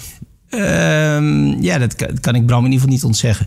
Maar nee, dat, ik juich dat toe. Maar nee joh, maar... eh, kijk, het is hard. Als je bekend bent en al zo op een voetstuk stond... en je wordt gewoon van je sokkel getrokken, dan snap ik ook wel... Ik, bedoel, ik heb ook wel publicitair tikjes hier en daar meegemaakt... en ook wel eenzame momenten gekend. Dat gun je op zichzelf persoonlijk niemand. Maar ik vind ook, als je bekend bent... moet je ook wel een beetje realiseren dat er naar je gekeken wordt... en moet je je gedragen. Want ben jij daar zelf gevoelig voor wat mensen over jou schrijven, zeggen, twitteren? Nou, ik, nou, dat Twitter, dat is zo'n open riool, dat probeer ik wel te ontwijken. Nee, maar... maar- daar word je natuurlijk niet vrolijk van. Er Nee. komt wel eens iets tot je. Dat doet toch pijn? Enorme scheldpartijen. Ja. Ehm, wat Maar lees je maar, het? Maar ook die, nee, eigenlijk niet. Maar je krijgt natuurlijk toch wel eens iets onwillekeurig te zien. Of om iemand dat even dat je pijn? door. Of, ja, dat doet pijn. Ja. Ja. Ja, nou, weet je wat? En, en het stoort me vaak pijn. Dat echt pijn doet, dat is zelden. Maar het stoort me vaak. Wordt er wel een beetje. Ik haal er wel eens eentje uit. En dan ga ik even direct met zo iemand praten. Wat bedoel je eigenlijk? En meestal zijn die mensen dan vooral boos op de wereld. Ja, ja. Zelf niet zo'n heel succesvol leven. En dan worden ze door mij gehoord. Ze zeggen, god, je bent enorm aan het schelden op mij. Wat is het probleem eigenlijk? Wat heb ik precies misdaan? Meestal is het, tegenwoordig is dan de reden... ik ben een vriendje van Rutte. Dus alles wat er in dit land misgaat... is de schuld van Rutte, dus ook mijn schuld. Ja, ja, oké. En dat, daar word ik dan wel een beetje moedeloos van. Maar tegelijkertijd... Ja, mensen eh, die het niet voor elkaar hebben... willen gewoon serieus genomen worden. En eh, so- soms moet je eens even een eh, luisterend oor toewerpen. Ja, maar ik bedoel meer... nee, ik, ik zie jou niet als een ongevoelige man. Veel mensen roepen wat over je. Het lijkt me best pijnlijk. Ja, heb jij het ook gehad? Jij hebt Ja. toch ook mindere momenten Ik, gehad? ja, ik, waar, waar, ik kan niet tegen onrecht. Ja. Dus ik kan er niet tegen. ik- Als iemand je een kwal vindt of wat dan ook, een bepaalde persoonlijkheidseigenschappen, dan interesseert me helemaal niks. Maar wat me wel, eh, wat me wel raakt, is als mensen gewoon dingen gaan opschrijven of benoemen of Ja. twitteren die gewoon pertinent onjuist zijn. Ja, maar goed, de prijs van eh, bekendheid eh, ja. en, eh, is verantwoordelijkheid en is, ehm, is ook dat je tikken oploopt. Dat hoort ook een beetje bij. Ja, zeker. Dat vind ik, ik noemde net Rutte. Ik vind het miraculeus dat hij zich daar echt niets van aantrekt. Is dat zo? Nou, voor zover ik weet is dat zo, ja. Ik lig niet iedere dag bij me in bed, zoals je weet. Maar, ehm, dus ik weet niet wat hij s'nachts in zijn droom... Ja, dat is nog steeds, dat is nog steeds de wie wel in bed ligt. Ja, met Ja. wie ligt hij nou wel in bed? ja. met een kussen. Maar, Nee, maar met wie ehm, ligt ja. hij in bed? Jij, dat, jij geeft daar nooit antwoord op. Maar ja, wij, wij hebben als Maar volk... misschien, maar misschien is er ook wel geen antwoord, eh Yves. Dat zou natuurlijk ook nog kunnen, dat hij daar helemaal niet mee bezig is. Kijk, maar- me- me- iedereen vindt het heel raar dat wij een minister-president hebben die vrijgezel is. En die Maar we zien niet hem ook nooit met enige relatie. armcandy. Nou ja, nee. De, de- nou ja, eh, de, de dochters Hermans, maar dat zijn zijn assistenten. Ja. Maar ehm, Het is, hij ziet er, Ja, hij maar- ziet er beter uit. Ja. eh, hij kleedt zich beter. eh, zeker. Ja. hij heeft toch een bepaalde sympathieke lach. Maar zeg jij nu eigenlijk, eh, hij houdt niet van vrouwtjes en niet van mannetjes? Nou, ik weet uit het verleden wel dat die wel... eh, Vriendinnetjes? Dat er, dat er zeker wel vriendinnetjes waren. Die vriendinnetjes werden dan op enig moment wel teleurgesteld. Omdat ze natuurlijk niet helemaal kregen wat ze wilden. Namelijk Mark met huid en haar. En eh, dat zit er gewoon niet in. Dat heeft, heeft hij geen zin in. Ja, dat, weet je, dat is natuurlijk een, A, een hele particuliere eh, keuze van hem. En hij is niet getrouwd met een vrouw, maar wel met de politiek. En dat is zijn totale Nee, verslaving. ik, ik zit me dan even zo voor te stellen. Jij Ja, bent, jullie gaan wel skiën of zo met Ja. elkaar. En dan zit je zo op een terrasje daar. Ik kan me voorstellen, het is vier uur. Je hebt een drankje op. Ja. Het is gezellig. En daar, daar skiën een paar hele mooie dames, Ja. eh, misschien uit Oost-Europa, voorbij. en jij gaat zo met je rechterarm tegen eh, Ivo van Recht of zo. Ja. Heb je dat gezien? Maar gaat die linkerarm dan ook tegen, eh, of een, een, rechterarm? Ja, dat ziet hij wel hoor. Dat ziet hij wel. Ja? Maar, maar, maar maakt hij daar dan grapjes over? Mm, Ja, maar wel op een wat een beetje als een 19e eeuw. Hoor. Dat is wel meer platonisch dan, ja. Ja, ja maar kijk, weet je, Yves, dat, het is, ik vind het ook wel weer mooi dat wij een, een beetje celibatair ja, levende... eh, dus werk is zijn, zijn echte liefde. ja, maar eh, ik denk dat dat zo is, ja. Terwijl hij natuurlijk ontzettend veel vriendjes en, en ook wel vriendinnetjes heeft. Ehm, hij heeft een ongelooflijk sociaal programma. Hij is altijd goed gehumeurd. Ja, ik vind eh, fysiek fenomeen. Die man was 20 jaar geleden bijna een wrak. Toen woog hij 110 kilo of zo. toen was hij, wist ik nou, niet toen was, hij, toen was hij lang niet zo goed in conditie als nu. Maar Ja, sinds ja. hij hoog die politiek in is Maar wat doet gegaan, hij is dan? hij, wat- hij traint een paar maar keer per wat- week. wat voor hij dingen? traint, hij is gedisciplineerd. hij Zat hij dan op loopbanden en dat soort dingen? Roeien? Nou, daar ben ik niet bij, maar ze hebben allemaal van die klasjes op het Oh, ministerie en zo, waar ze die ministers ook onderling Oh, lopen te zweten. ja, voor, voor, de, voor de ministerraad lopen Heel ze te rammen. Ja, en ik echt? geloof op maandag Cool. of dinsdag ook weer, ja. En dan die CDA En het weekend even rennen. voorop. Die, die laten dat graag zien, hè? dat ze sterk zijn. Nou ja, Dus, eh, de, de fractievoorzitter van het CDA was Nederlands jeugdkampioen du- eh, judo. Dus Ja, oh, kijk eh, Heerma. Dus. Maar ik weet niet of Mark met hem aan het, aan, aan het, op de, voor de dubbele zwarte band gaat Oh. met, met, met meneer Heerma. Dat denk ik toch niet. Nee. nee, maar kijk, maar ik vind toch, laten we het even afmaken. Ja. Er is altijd, wordt me altijd gevraagd, hoe zit dat dan met die Rutte? Ja. En dan is mijn vraag aan jou. Waarom moet iedereen altijd standaard in een relatie, in een gezinnetje enzovoort? Waarom moet dat Nee, eigenlijk? totaal niet. Dat is niet wat ik bedoel. Het is gewoon meer nieuwsgierigheid. Ja. Eh, Maar wat of- kan je niet verkroppen? Want er is toch Oh, ergens nee, een soort van, dat kan toch niet? Maar ik vind het gewoon leuk. Ik zou het Ja. leuk vinden Ja, als, hem ook, als ik hoor dat hij een relatie heeft met Duitse Kroes of zo. Dat lijkt me gewoon geweldig. Of dat je, dat je hoort dat Katja Gaan we wel even Sunny uitleggen dan, maar oké. Ja, nou, dat wordt heel sorry, gedoe, maar misschien eh, vindt hij dat dan weer weer leuk. Of, of dat Katja toch, hè, die, eh, ja, toch gevallen is voor onze minister-president. of, ja, of dat een Noorse prinses of zo voor hem... Nou, dat zijn toch leuke verhalen? Dat zou ik ook wel Kom op, mooi- zeg. dat zou ik ook wel mooi Dat vinden we Dat- leuk. en Het is ook helemaal niet erg Ja. als het niet zo is. Het is gewoon de nieuwsgierigheid van het land. Dat is waarom we het willen weten. En Maar moet je nagaan wat, wat het, hoe goed het in Nederland gaat. Ja, en dat hoe we daar rijk tijd en verwend we zijn dat we Nee, gaan zitten kibbelen of hij wel een vriendinnetje heeft. geen nieuws dus over Mark Rutte. En, en, en wat ik me ook afvraag, als jij dan op die berg met hem zit... Hè, praat je dan met hem ook over het afschaffen van de dividendbelasting? Jazeker, tuurlijk. En Kijk, over- onze vriendschap kwam, kwam over de eh, belofte die is gebroken. Toen wij allebei in die, in die jongerenorganisatie, die JOVD, zaten. Dus die is op, op gezamenlijke politieke interesse natuurlijk gestoeld. Daar is het altijd, en wij zijn wel een beetje, we zijn wel een beetje nerds. Hoor. Dus als hij bij mij is, dan zitten we in het beeld- en geluidarchief alleen maar naar zwart-wit filmpjes uit de politiek te kijken van jaren 60 en 70. Ehm, we hebben ons voorkeur, ja, eh, eh, schrik niet, maar kabinet Den L vooral, want dat waren eigenlijk de leukste tijden. Ehm, politiek in ieder geval en journalistiek. En eh, natuurlijk hebben we het over alles. Alleen het is wel zo, moet ik eerlijk zeggen, sinds hij eh, die enorme baan heeft, dat noemt hij vaak een baantje, een beetje badini, maar een enorme baan natuurlijk. Moet je uitkijken dat, dat als je eh, even privé met hem bent, dat je niet hem de hele tijd, je, waarom doe je niet dit, waarom doe je Dat Nee, wordt dat hij begrijp helemaal gek ik. van. En, word je gek van. en, en Begrijp hij moet dat volledig. al de hele tijd, want dan gaat hij in RVD-communiqués praten. Nee, dan dan krijg je een persconferentie de hele tijd. Daar heb je geen zin in. En dat gun ik hem ook niet. En dat heeft hij ook niet verdiend. Bovendien, eh, ik merk, moet bekennen, en dat is echt wel een Ik kan hem zelden in mijn argumentatie verslaan. Hij is daar gewoon beter in dan ik. Dat komt omdat hij dat spelletje natuurlijk al vaak heeft gedaan. Ja, ja. Dus als ik het over dividendbelasting heb, dan klets hij net zo lang door dat ik denk, ja, dat is eigenlijk wel een goed plan. Zegt hij dan niet, ja, god, daar baal ik wel van. Ik had het beloofd Ja, ja, ja, ik heb toch eigenlijk voor mijn Tuurlijk geld wel. gekozen. Nee, maar ook daar is Mark heel weer in. Die zegt dan gewoon, ja, dat was niet zo slim. Nee, daar is die. Kijk, Mark is natuurlijk iemand die zijn verlies uitzonderlijk goed kan nemen. Ja. En gewoon zeggen, ja, dat was knapstom. Ja. Dat werkt niet. Hij had overigens wel gelijk hoor. Ik ben Ja. voor afschaffing dividendbelasting. Hij ook nog steeds. Alleen ja, het ging gewoon niet. En ben je ook voor eh, de Shell-constructie? Ja, Shell, kijk, Shell had een heel ingewikkeld iets. Die hebben, twee, die hebben een, een Brits hoofdkantoor, een Nederlands hoofdkantoor hadden ze. Met A-aandelen, B-aandelen. En dat is gewoon, kijk, dat is heel makkelijk om hier plat van te zeggen. Wat een schande, Shell betaalt geen belasting. Maar als je twee nationaliteiten hebt, moet je dus een jurisdictie kiezen. En in dit geval hebben ze gezegd, om onder dat gedoe uit te komen... dat onze aandeelhouders in Engeland geen dividendbelasting hoeven te betalen... en in Nederland het wel moeten doen... neem- nemen we een kanaaleilandenconstructie... zodat die Nederlandse aandeelhouders hetzelfde worden.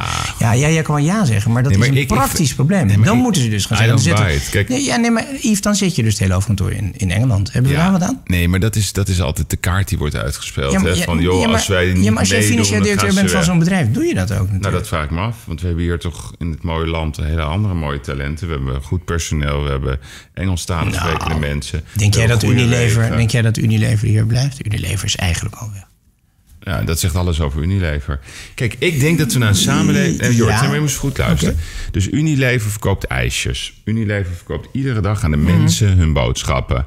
Maar die vinden dan niet dat ze mora moraliteit moeten hebben... omdat wij on fiscaal onaardig zijn en dan gaan ze weg. Dan moeten wij niet meer ja, nee, maar die, nee, kijk, één op één die, chan- die, chantage is natuurlijk te ordinair voor worden, ben ik met je eens. Ja, en dat, dat, doen, dat spelletje spelen ze ook wel eens. Maar wat een groot bedrijf ook mag vragen van politici... is kunnen jullie even met één systeem komen? Dus of allebei Exact. belasten of eentje of geen van beide. Maar Ja. niet de een dit, de ander dat. Dat is natuurlijk voor zo'n groot bedrijf. Nee. Wat in 80 landen zit, Maar- ontzettend complex. Eh, Wat ik, En- en waarom ik, vind- eigenlijk over jouw Rutte-rol begin. Ja? Kijk, wij zijn het toch wel over eens dat dat hele fiscale systeem eens een keer eens en voor altijd gewoon dat er een raketwerper op moet. Ja, en gewoon een nieuw schoon systeem wat eerlijk is. Wat, wat Nou ja. zeg maar al die, al die oplichterij niet meer toestaat. Yves, ik, ik heb toevallig me deze ochtend verdiept in de, de nieuwe, zeg maar, ja, Code 500 kwam uit. En toen waren we allemaal mensen die kwaakten, ja, die rijken betalen helemaal geen belasting. Het Nou, is een is niet schande. waar en dan ga ik gewoon eens even in de nieuwe regelingen van box 3 kijken. Ja. Kijk, als je fraudeert, maar goed, dat, kan, dat moet die belastingdienst maar met je uitvechten. Dat kan ik niet zien van iemand. Maar in box 3, mensen gaan gewoon 30% meer belasting betalen. Mensen wonen in een duur huis, wat door die gemeente steeds hoger gewaardeerd wordt. Dus betalen veel en tax. Dat zijn grote bedragen Zeker. hoor. En eh, je betaalt voor alles meer. Je pensioen wordt veel minder aftrek. Dus de, de top 10% van Nederland, maar ook de top 1% betaalt gewoon meer. Alleen er is een heel klein groepje dat woont in Brasgaat in Zwitserland. Ja. En, maar zelfs Charlene de Carvalho, Heineken, daar kan je van zeggen... ja, dat is een schande dat ze hier geen. Maar dat mens woont al de hele leven in het buitenland. Ja. Moeten we ze dan dwingen om nu in Noordwijk te gaan wonen? Kijk, ik vind wel, maar dat ben ik met je eens... Kijk, ik ben tegen staatsdwang. Maar dat ze niet onderling een keer zijn gaan zitten en hebben gezegd: jongens, dit is onhoudbaar. Want de winkelier op de hoek wordt helemaal geplunderd. En die krijgt zijn BTW-verhoging en die krijgt zijn box 2 en alles, alles wordt duurder voor hem. En de grote jongens betalen gewoon aantoonbaar weinig tot niks, in ieder geval geen winstbelasting. Jongens, als we zo doorgaan, we hebben maar gewoon daar- het hele land tegen. En het. VNO-NCW heeft dit ook nooit gezien. Nou, fijn. Ik ben blij dat je dit Ja, maar zegt. dat ben ik echt met jou eens Kijk, hoor. daar gaat het namelijk ook. Kijk, dat de politiek gaat het toch niet doen. Want voordat dat ooit rondkomt, zijn we weer tien jaar verder. Maar die bedrijven, die moeten toch op een gegeven moment ook zeggen van... joh, dit kan gewoon niet.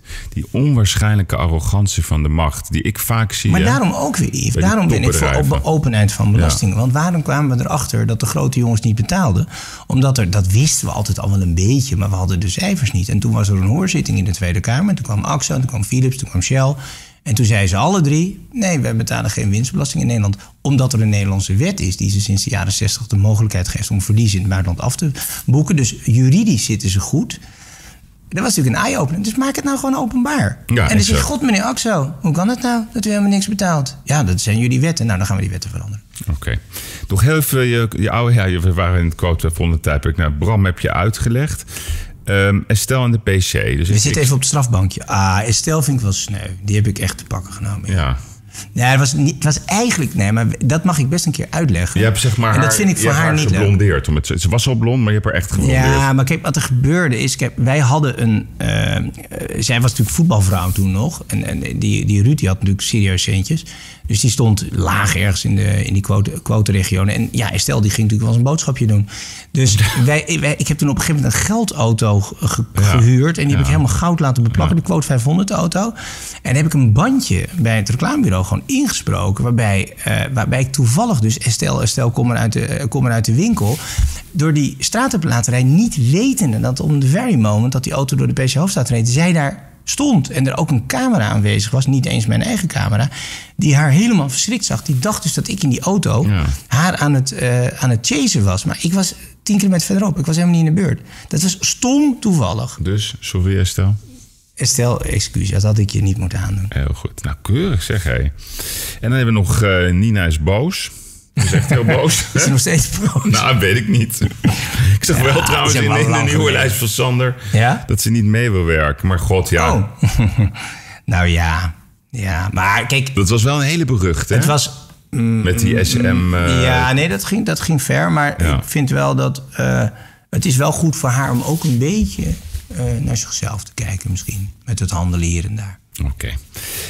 Dan, dan tenslotte, dat vond ik wel de heftigste. Ehm, 28 kogels op het quotepand. Ja. Jeetje.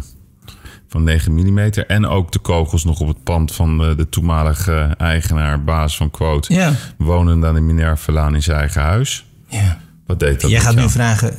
Wat ga ik vragen? Nou, ik leefde daar wel bij op eigenlijk. Bij de schietpartij. dacht je dat ik ging vragen? Ik was er niet bang van. Ik weet nog wel hoor, ik werd gebeld door mijn redactie. Kom maar even niet, want eh, het is hier een beetje winderig. Ja, logisch, het was november en alle ramen lagen eruit. En toen ben ik natuurlijk toch gegaan. Het was 28 kogels. Ja, we vonden er een paar eh, letterlijk in de leuning van mijn stoel. Hadden doorboord. Ja. Ik dacht, geen vraag, wie heeft het gedaan? Dat ik het eindelijk Ja. een keer ga zeggen, ja, jezus, maar eh, Yves, weet je, dat Het kunnen toch er zoveel zijn. bizar? 17 jaar Jij hebt net een heel lijstje met mensen die boos Ja. zijn. Nou, het ik ga, gaan. nou, ik ga ze niet beschuldigen, want ik Maar weet het echt niet. Nou, men keek natuurlijk altijd in de kant, naar de kant van de Holleder. Holleder. Holleder hadden we natuurlijk best wat mot mee. Die post ook wel een beetje bij de redactie. Ja, die liep daar wel eens rond, hè? Ja, er waren wel wat schermutselingetjes, maar niet heel... Het was geen handgemeen of niks, hoor. Maar die, die had wel een beetje de pest. Heeft hij jou wel eens aangesproken? ja hoor, ja, ja, zeker wel. Maar het punt was een beetje dat ehm Holleder... eh, kijk, ik denk dat Holleder zo professioneel was... dat door een journalist af te persen, dat, dat kan je wel proberen. Maar ik heb nooit geweten wie de afzender was. Dus als ik dan niet Tot weet dat hij was... van vandaag niet. Nou, hij is een keer op me afgestapt, later Ja. toen hij weer vrij was... En toen zei hij, ik helder. En toen moest hij ik even mijn auto op jouw Hij. Ja. Ik, reed, Ja. ik reed op de gracht in mijn autootje en ik deed tok tok. En ik zie zo'n helm met zo'n enorme neus uit dat, uit dat vizier steken. Ik denk, oh jee. En, maar dan moet je toch, in dat soort situaties moet je cool blijven volgens mij. Dus eh, toen ben ik gesprek met hem aangegaan. Hij wilde alleen even zeggen, ik heb het niet gedaan. Nou ja, goed, voor wat het waard is. Ik bedoel, hij heeft wel meer dingen niet gedaan officieel... als ik hem in de rechtszaak bezig zag. Dus dat weet ik niet. Hij zal het zeker niet zelf hebben gedaan. Wat volgens mij nog het meest voor de hand liggend is dat er een paar kleine small-time criminals, een paar soldaatjes, hebben gedacht: ik ga even voor, voor mijn baas scoren. We gaan even plagen. Want er waren wel camerabeelden, die zijn kwijtgeraakt trouwens, bizar genoeg. Van, dan zie je dus zo'n jongen een beetje mitrailleren zo door die ramen. Met zo'n automatisch wapen. En ja, dat was duidelijk niet Hollander Maar een jongen met een helm of een jongen met een capuchon? Ja, en een vent met een helm op. En, eh, maar ik heb het nooit gezien. Ik heb alleen het gehoord en toen volgens zijn die beelden kwijtgeraakt. Nou, het was waarschijnlijk niet eens iets aan. Maar ik denk, het is natuurlijk een waarschuwingsschot geweest. Want anders doe je het niet op zondagnacht. Maakte die van die schietgebaartjes naar me. Zo van, eh, ik ga je neerknallen. Maar er is daarna nooit iets gebeurd? Dat je denkt van, nou, hey, ik kreeg wel het kogels is in mijn. Ja, ik kreeg ook wel kogels in mijn briefbus en zo thuis. Ja, ja, dus het ging wel door.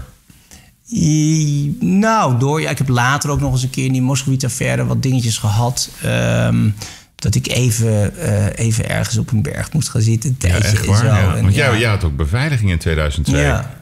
Had je kogelvrij vest toen ook aan?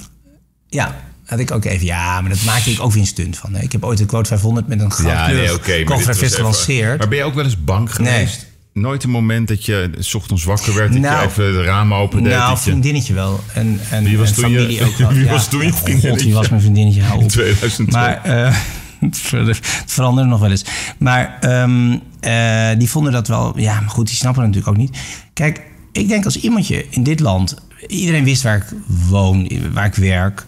Ehm, als je, je kan je niet gaan beveiligen de hele tijd voor dit soort dingen. Dus als ze je willen pakken, pakken ze je toch wel. En ik woon er best een beetje afgelegen met een oprijlaantje en zo. Ik woon er Ja, niet ja. alleen hoor, ik doe heel stoer nu. Maar ik moest best, best wel een beetje afgelegen door een donkere laan rijden. Ik dacht, ja, er kan natuurlijk een keer iemand uit die bosjes springen. Dat verlies ik. Ja. Ja. Maar even nog even naar die... Dat is toch wel een spannende tijdperk. Hè? Toen met Enstra, met Parelberg en Holleder. Hoe kijk jij daar nou naar? Dat is nooit echt duidelijk geworden. Was Parelberg nou een slachtoffer in deze hele kwestie? Holleder heeft in, in allerlei tapes achtergelaten die hij eh, bij de notaris heeft gedeponeerd. eh, dat Parelberg vooral slachtoffer was en geen dader. Dan, daar was hij, hij zei, het is een wezel, geloof ik. Nee, dat zei hij. Maar bij Holleder heb je altijd zoiets van... Ja, er zal wel weer een Ja, achter maar zitten. ik geloof eerlijk gezegd dat Parelberg, die kwam uit Londen. Die kende de Nederlandse situatie niet zo erg. Die zal best hebzuchtig zijn geweest. Maar dat hij daar een beetje contrakeur tegen zijn eigen wil ingebeland is. En volgens mij uh, is hij in die hele uh, rechtszaak een beetje te pakken genomen door justitie. Ik denk dat ik geef hem een goede Voorbeeld, kans. hè? Nou, kijk, het gaat altijd om. Heeft hij nou een betaling, een afpersing van de familie Enstra, geloof ik 17 miljoen of zo gekregen? Hoe zit dat nou met die geldstromen tussen Parelberg en die Enstra's? En ik vind eerlijk gezegd, wat ik hoor van het, van het Parelberg-verhaal, ik spreek hem wel eens nog steeds. eh, ik vind het vrij plausibel verhaal, eerlijk gezegd. Ik, ik zie niet zo goed waarom hij. Ik, ik, laat ik het zo zeggen, ik vond de bewijsvoering van justitie om die man 2,5 jaar achter de bak te zetten niet zo dik. Ik, vond het, ik vond het niet een eh, wettig en overtuigend bewijs. Goed, de rechter heeft dat wel gevonden. Ik denk dat hij een herziening gaat vragen. Dat hij, eh, dat hij gaat eh, proberen om dit eh, opnieuw voor de rechter te brengen. En de overleden Enstra, hoe, hoe, Nou, hoe die- netjes was die? Nou ja, kijk, het is natuurlijk. Men zegt wel eens over de doden niets dan goeds, maar Ja. in dit geval deugt natuurlijk niks van. En ik heb toevallig, nou eigenlijk helemaal niet toevallig trouwens. ehm, toen jij bent ooit dat fotootje van Ja, de kijk, en Enstra op het bankje. Ja, want kort voor de, voor de, Voor de niet- voor de luisteraar. Kijk, Enstra was een grote vastgoedjongen waar alle zaken, eh, alle bankiers, iedereen deed zaken mee. Die had een paar ja. honderd miljoen in zijn portefeuille zitten. Het was een oude familie die in de spoorwegwagonnetjes rijk waren geworden. Hij had het eigenlijk niet eens nodig. Het was een, het was een thrillseeker. Het was een man die avontuur wilde, die juist het gevaar opzocht. En overal vriendinnetjes en dingen. Hij leefde gevaarlijk. Dat was het aantrekkingskracht. En op het moment dat hij waarschijnlijk geld heeft geaccepteerd van de onderwereld, om de, van de mierenmetachtige types, om dat geld gaan witwassen, om eh, zeg maar, dat geld, drugsgeld in vastgoed te gaan eh, investeren, toen is hij natuurlijk een, grens overgegaan, is hij heel gevaarlijk geworden. Toen hebben wij, eh, omdat hij gaf natuurlijk nooit een interview, was niet te zien, toen heb ik op een gegeven moment aan een paparazzi gevraagd, ik wil een foto van die vent, want we gaan een verhaal over maken. En toen kwam, eh, nou ja, een bekende paparazzi bij ons aan met, ik heb, ik weet niet wie die Enzo is, maar ik heb wel een foto van Holleder. Ik zei, ja, Holleder, dat is leuk. Maar de vent die naast hem zit, dat is Enstra. Hoe krijg je dat voor me? Dus we hadden de beroemde, later beroemde bankjesfoto... Ja, voor ja. zijn kantoor. Ja. Eigenlijk op de plek waar die neergeschoten is ook zo'n beetje. Ehm, die hadden wij gepubliceerd. Toen heeft de rechter bevolen dat de quote 500 uit de winkel moest. Want het was privacy van de man. ja, ja. Toen heb ik een deeltje met het parool gemaakt... dat ze meteen diezelfde dag in de krant gooiden... zodat ik mijn primeur van de foto kwijt was... maar het wel overal al verspreid was... waardoor de rechter geen belang meer had om het bij ons te gaan verbieden. Dat was voor ons heel cruciaal. Dus de quote 500 werd door de eh, rechter uit de winkel bevolen. Dat, zou de winst van een jaar wegpissen Ja, gewoon. dat is dat En, bijna en, nooit. en dat heb ik toen met een vrij brutale actie Ja, kunnen keren. Met hulp van het parool ook, moet ik zeggen. En ehm, Wie was daarna dat toen? belde- Gruithuizen toen? Ja, dat denk ik. Ja, Erik, ja Matthijs was al weg, denk ik. En ehm, toen gebeurde het dat... eh, nou ja, toen weet je, allemaal verwikkelingen, gedoe met die Enstra. Op een gegeven moment werd onze redactie beschoten. En, Ja. en toen, na een tijdje, belde Enstra mij op op een zaterdagochtend. Ik had zijn nummer niet, dus ik kon hem ook niet herkennen. Met zo'n oud Nokiaatje. ja, met Wim Enstra. En eh, wij moeten praten. Ik zei, hij zei, ik kan het niet over de telefoon doen. Maar kun je ehm, een keer naar mij toe komen? Nou, dat duurde toen om de een of andere reden maanden. Hij was overal mee bezig en in Israël. En hij zei, ik heb nog even tijd nodig. Ja, want was toen op zoek ik naar moet een paar- geld. ik moet een paar dingetjes Bernina. afhandelen. En toen belde hij me in mei op, in mei 2003. Eh, ik, ik ben veilig, ik heb het rond. Oh. En eh, zullen wij afspreken? En toen had ik een afspraak met hem op een zaterdagmiddag. Toen bleek hij net daarvoor bij Harry Mens opname te hebben gehad. Dat had hij me dan niet verteld, dat vond ik niet zo leuk. Mm-hmm. Maar goed, ik za- zag hem op zaterdagmiddag. Ik gok even, 5 mei 2003, even uit mijn hoofd. Eh 7, 8, ja, zoiets. En eh, 6 mei, denk ik. En ehm, toen, is, eh, eh, toen heeft hij eh, ja, urenlang verteld. En de openingszin was inderdaad, ik ben veilig, ik heb het geregeld. Maar hij had bedongen dat ik het niet publiceerde. En ik had ook geen bandrecord, ik heb het nooit opgenomen. Dit is gewoon puur op mijn geheugen. En ook dus niet bewijs of zo. Ja, hele wilde verhalen. Waarbij ook Moskovits van heel veel de schuld gaf. Vertelde hoe de Kickforce mannen in zijn haven rondzwommen om hem te beloeren. Om, nou ja, goed, justitie. Maar wat was wat, wat is nou het meest markante wat hij tegen jou zei? Dat je echt dacht van, jezus, wat vertelt hij me nou? Ehm, nou, Parelberg kwam ook wel naar voren. Parelberg kreeg de schuld. Dat, eh, Toch, dus hij gaf wel. Parelberg de schuld. Ja, maar dat heeft ook uit die, heeft die beroemde achterbank tapes. Ja, Daar stond dat ook exact, in. ja. Maar en staat natuurlijk ook een belang om anderen de schuld te geven. Dus, de, de- En Holleder had weer een belang. Ja, dus, dus uiteindelijk zit je in een spiegelhuis. Je weet Ja, niet wie wat. het is een Eh, echte Agatha Christie Ja, het is echt een moeilijk verhaal. En ehm, ik vond hem het een rare man. Ja. En toen ben ik met mijn toenmalige geliefde, de, de beroemde actrice... naar een eiland Dat afgereisd. was naar toen Georgina. Ja. En toen- toen vlogen wij naar, dat heette Frigate Island. Dat Ja. was wel een prettige plek. Kon je alleen met een helikopter komen, ook wel leuk. very nice. En ehm, eh, ja, het is van de Utker-familie tegenwoordig. En Hm. ik kreeg toen pas twee, drie dagen later zo'n lullig faxje... waarbij die man op de grond lag en ja, kapotgeschoten was. En dat is toch wel... ook Minerva gedaan, hè? En dan denk je wel na van, was het oei. Ja, voor zijn dat zijn kantoor, ja, voor zijn kantoor. Apollo-laan. Apollo-laan. Jeetje. hey, Jort. De Ja. BV Jort. Ehm, De BV ook? Ja. Kijk, toen jij nog bij Quote zat, toen heeft jouw baasje... want jullie noemen elkaar altijd baasje... Mart van de Bigelaar, bijna een Big... Als ik het goed me kan Ja. herinneren, die kreeg 25,3 miljoen voor het bedrijf. Ja. En jij- En jij kreeg ongeveer 500.000, klopt Zoiets, dat? ja. Ja, dat klopt wel, ja. Was dat niet een beetje weinig voor alle efforts die je had gedaan? Nou, ik vond het voor een journalist wel veel betaald. Nou, de ja, redactie kreeg niet veel. Maar, Nee, nee, maar kijk, dat. het punt was... Big had ooit het blad, was dat blad begonnen. Had hij begint natuurlijk 100% van de aandelen, maar al snel verwaterde. Hij had iets van 20%. dus Big ja. heeft zelf maar iets van 6, 7 miljoen uiteindelijk verdiend. En dus we hadden die hele grote De familie- Rechtgeborg die zat familie- toch ook in? Ja, dus, dus Dick Wessels, dat is iets van 15 of 20 procent. En dan had je de familie De Pont, dus niet de autofamilie, maar de, ja, ook de autofamilie trouwens, maar Mercedes-importeur ooit. Van het Janivo investeringsfonds. Ja. En die hadden geloof ik 51 procent. Groot fonds. Dus, dus dat moest dan uit het. Ja, dat, dat hadden ze. Ja, maar kijk. Maar die hadden Even ook had ik dan meer recht op meer. Ik had Ja. Quote groot gemaakt, maar het bedrijf was twee keer zo groot dan Quote alleen. Hè? Quote was ja, nee, maar Quote vertegenwoordigde toen een waarde van 14, 15 miljoen. zoiets, ja. Nee, ik, ik, vind, ik, ik vind dat te weinig, maar goed, dat is een ander verhaal. En de redacteuren hadden ook een bonus. Maar als je dit zo vertelt, dat wist ik niet. eh. De redacteur kreeg niet echt een bonus. hoor. Nee. Ze gaf mij een bonus. beetje Ik kan de redacteur Kijk, je geven. moet, die- bij de Googles van deze wereld kan je alles van vinden. Maar daar wordt het personeel wel beloond, om het zo maar te zeggen. Heel simpel. eh, als je rijk wordt in je eentje, dan lijkt me dat vrij eenzaam. Vrij Dus eenzaam, ik zou ja. het eh, heel graag delen.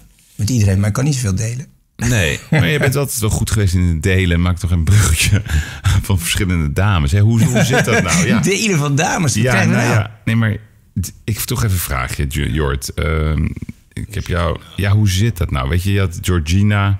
Ik denk, nou, dit is het eindelijk. Nou, dat ging dan uiteindelijk toch eh, fout. Want, ik weet niet, ze had een ander. Lauren. Ging goed, maar die had ook een ander. Met andere wat is er met mij? Ja, dat al die vrouwen altijd maar wegstuiven. Ja.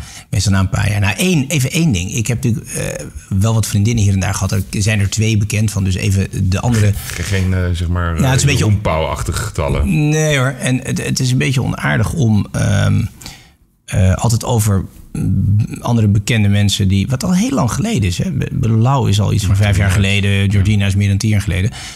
Nee, maakt wel uit. Want ik vind dat zij hem ook gewoon hun leven zijn moeders. eh, zijn met anderen. Dus ik vind het best ordinair, eh, vulgair echt... om daar nou een enorm eh, boekje over open te doen. Maar ik denk wel dat ze goede afwegingen hebben gemaakt... om mij eruit te trappen. Ehm, Want? nou, ik ben waarschijnlijk toch wel ja, onleefbaar niet. Maar ja, nou ja, het kennelijk is iets anders dan toch leuker en beter. Ja, ik kan niet anders zeggen. Dus de, en de waarheid, ja, weet je, iedere situatie is anders. Maar als het uitgaat, waar dan ook, er is nooit één schuldige. Dat geloof ik niet. Dus ik ga zeker niet vrij uit. Dus ik, Nee. ik heb wel een beetje soms zo het slachtoffertje uitgehangen van ja en sneu. En eh, er is van alles gebeurd en nou blijf ik hier alleen achter. Maar dat valt natuurlijk ook allemaal nog wel mee, eerlijk gezegd. Maar doet het nog pijn? Ja. Ja, nog steeds. Nou, er is wel iets kapot gegaan in mij, ja. ja. Echt? Ja. Maar wat dan? Mm, dat je nooit meer helemaal zuiver, onbaatzuchtig met iemand kan zijn. Dat je daar toch net iets te veel voor hebt meegemaakt. Dus ik kan niet meer... ehm, ik heb ook sindsdien eigenlijk niet meer echt een eh, relatie gehad of zo. Sinds Lauwen. Ja. Jeetje. dat lukt mij niet Ik zie bijna het gaan in je ogen. Nou, eh, nou, nee, ja. Weet je, kijk, zij heeft eh, fantastisch weer een kind. Een andere, maar- leuke man, geloof ik. Dat hoor ik van iedereen. Dus bedoel, ik, zij heeft gewoon een goede keuze gemaakt. Maar ehm, het is, ja, ik, het, heeft mij wel een beetje pijn gedaan, ja. Maar dus zij was Ja, jouw echte grote liefde eigenlijk. Ja, dat weet, dat weet ik, hoop ik pas over 30 jaar, dat weet ik echt niet. Maar, Jeetje. en ik dacht, het, ik dacht zelf wel dat het ehm, wel goed zat in sommige opzichten. Maar dat is een beetje naïef. Maar, maar kom je haar nog wel eens tegen of helemaal niet? Nee. Dat Nee. niet. Ja, het gekke is, we werken wel voor dezelfde omroep. Ook nog. Maar moet je luisteren, ik vind die, die vrouwen, maar ook allemaal anderen... Ik ben eigenlijk wel goed met al mijn ex. Ik heb met niemand ruzie. Nee. En ik vind ze allemaal fantastisch. En ik ben niet voor niks verliefd op ze geworden. Maar ja, aan de andere kant... Waarom moet je je hele leven met iemand blijven? Dat seriële monogamie, dus een jaar of vier, vijf met iemand zijn... zo vrij normaal tegenwoordig natuurlijk, hè? Ja. Dit- dat doet dus nog wel pijn, maar het is wel wat ik heel veel me heen Klinkt bijna als een private equity ondernemer. Ja, op een gegeven moment moet je een exit hebben. Hè? precies. Alleen, ik weet niet of mijn exit zo gunstig waren altijd. Ja. Nee, ja. Ja, ja even cashen. Ja. Maar nee, maar dat, ik moet luisteren, dat, ik, ik wilde, ja, het is altijd privé ding. Het gaat ook helemaal niemand een... Ja, dat is altijd zo grappig. Hè? Jij, vindt, eh, jij hebt eh, over alles en iedereen een mening. Eh, mijn mijn privéleven gaat toch niemand... Bovendien betrek ik Nou. anderen erbij die er niet om gevraagd hebben. Ik weet zeker dat als ik hier zit te praten over deze ravissante dames... dat ze dat niet leuk vinden. Nee, dat vinden ze waarschijnlijk niet Zoals ik het ook niet leuk vind als ze over mij praten. Maar het is wel, wat ik wel altijd heel grappig vind, is als je zeg maar de iconen van Nederland op journalistiek gebied, de bekende, Mm. bekende gezichten, die niks de Paus, de Van Nieuwkerks, de Kelders, een beetje gaat aan hun stoelpoten gaat zagen over, goh, met wie vertoef. Nou, Ja, maar, dat eh, gaat maar Yves, daar begin ik met jou toch ook niet over? Dan, eh, ja, gaat mij toch echt- ook niet precies... Ja, jij bent met Tamara, maar oké. Irrelevante speler in dit verhaal. Ja, ja, ja, precies. Maar, ehm, eh, Maar wat is dat toch? Want die prikkelheid van... ja, maar ik ben toch niet publiek bezit? Op dat punt ben ik toch Nee, niet eens. publiek bezit? zegt dat ook niet. Want mijn geld mag je weten. Nou, daar zijn we snel over uitgepraat. Dat stelt allemaal niet zoveel voor. Maar ja, vrouwen, liefde, dat is zoiets intiems. Dat ja, Maar dan geniet je toch wel. Maar, maar- je, je hebt toch ook genoten van de rode lopermomenten. Oh ja, zeker. er stond en dat gaf je toch ook wel een fijn gevoel. En dan keek je ernaar en zeg, goh, we staan er wel leuk op. Dat soort dingetjes. Nou, het, uiteindelijk... Of doet de, ehm, is het de exit die de pijn dan zeg maar eh, verstevigt? Is dat het dan? Dat het niet leuk is om erover te praten? ehm, nou, nee, ik vind... Ja, hoe moet ik nou zeggen? Nee, maar ik, ik, zou het niet... Ik vind het ook opnieuw... Hoe zeg je dat nou? Moeilijk hè? Ja, nee, dat vind ik wel. Ja, ja wat moet ik ervan zeggen? Ik, heb die, ik ben daar, ik heb die, die avonturen die soms een paar jaar duurden ehm, eh, gehad. En eh, ik heb eigenlijk niet van heel veel dingen spijt, eerlijk gezegd. Ik kan je denk zeggen dat over belangstelling heb je nog steeds niet te klagen. Want meerdere dames hier op kantoor die vroegen of je vrijgezel bent. en, en de meest knappe ook nog eens. Oké, Nou. nou. Hey Jort, ehm, ik wil nog een paar dingetjes van je weten. Ehm, op wie stem je eigenlijk? Ehm, Welke politieke ik, partij? Ik mag het echt niet zeggen omdat ik bij Buitenhof presentator ben Oh. en ik het niet zo netjes vind. Maar men denkt altijd het wel te weten. Kijk, ik ben liberaal. Hmm. Dus je moet het altijd wel, denk ik, VVD of D66 zoeken. Maar ik heb ook wel eh, best wel vaak dierenpartij gestemd. Omdat ik vegetariër ben. Ja, ja. En eh, ik heb ook wel sympathie voor andere partijen. toch? Want je eet wel en ik heb, en ik heb op, in het begin wel even getwijfeld of ik voor voor democratie zou stemmen. Ja, ja. Eh, in het begin, ehm, omdat ik hoopte dat het een intellectuele, eh licht Beweging. reactionaire... Maar ik ben niet conservatief, ik ben natuurlijk liberaal. En hij is, Thierry is natuurlijk heel Maar hoe conservatief. vind je dat hij het nu doet? Nou, ik vind het eigenlijk wel een beetje te wild, ja. Ja? En ik vind dat klimaatontkennen eigenlijk best dom. Ja, ja. Ik vind dat, dat eh, het beleid wat betreft eh, milieu, dat ze er echt wel doordraaien. Ehm, ik vind dat ze een, ehm, een beetje PVV-lijn ook qua relletjes eh, voeren... waar ik gewoon niet achter sta. Maar, ik vind wel, kijk, iedereen valt over hem heen. Eh, ik heb ook een relletje laatst gehad dat ik op een foto met hem stond... omdat we in een vliegtuigje zaten, alsof dat dus niet zo... Kijk, dat is dat trucje van links. eh, guilty by association. Dus als je met iemand gezien Hmm. Wordt... ja, ja. dat je dan een, alsof je dan zelf een misdadiger bent. Alsof Thierry, die is gewoon parlementariër.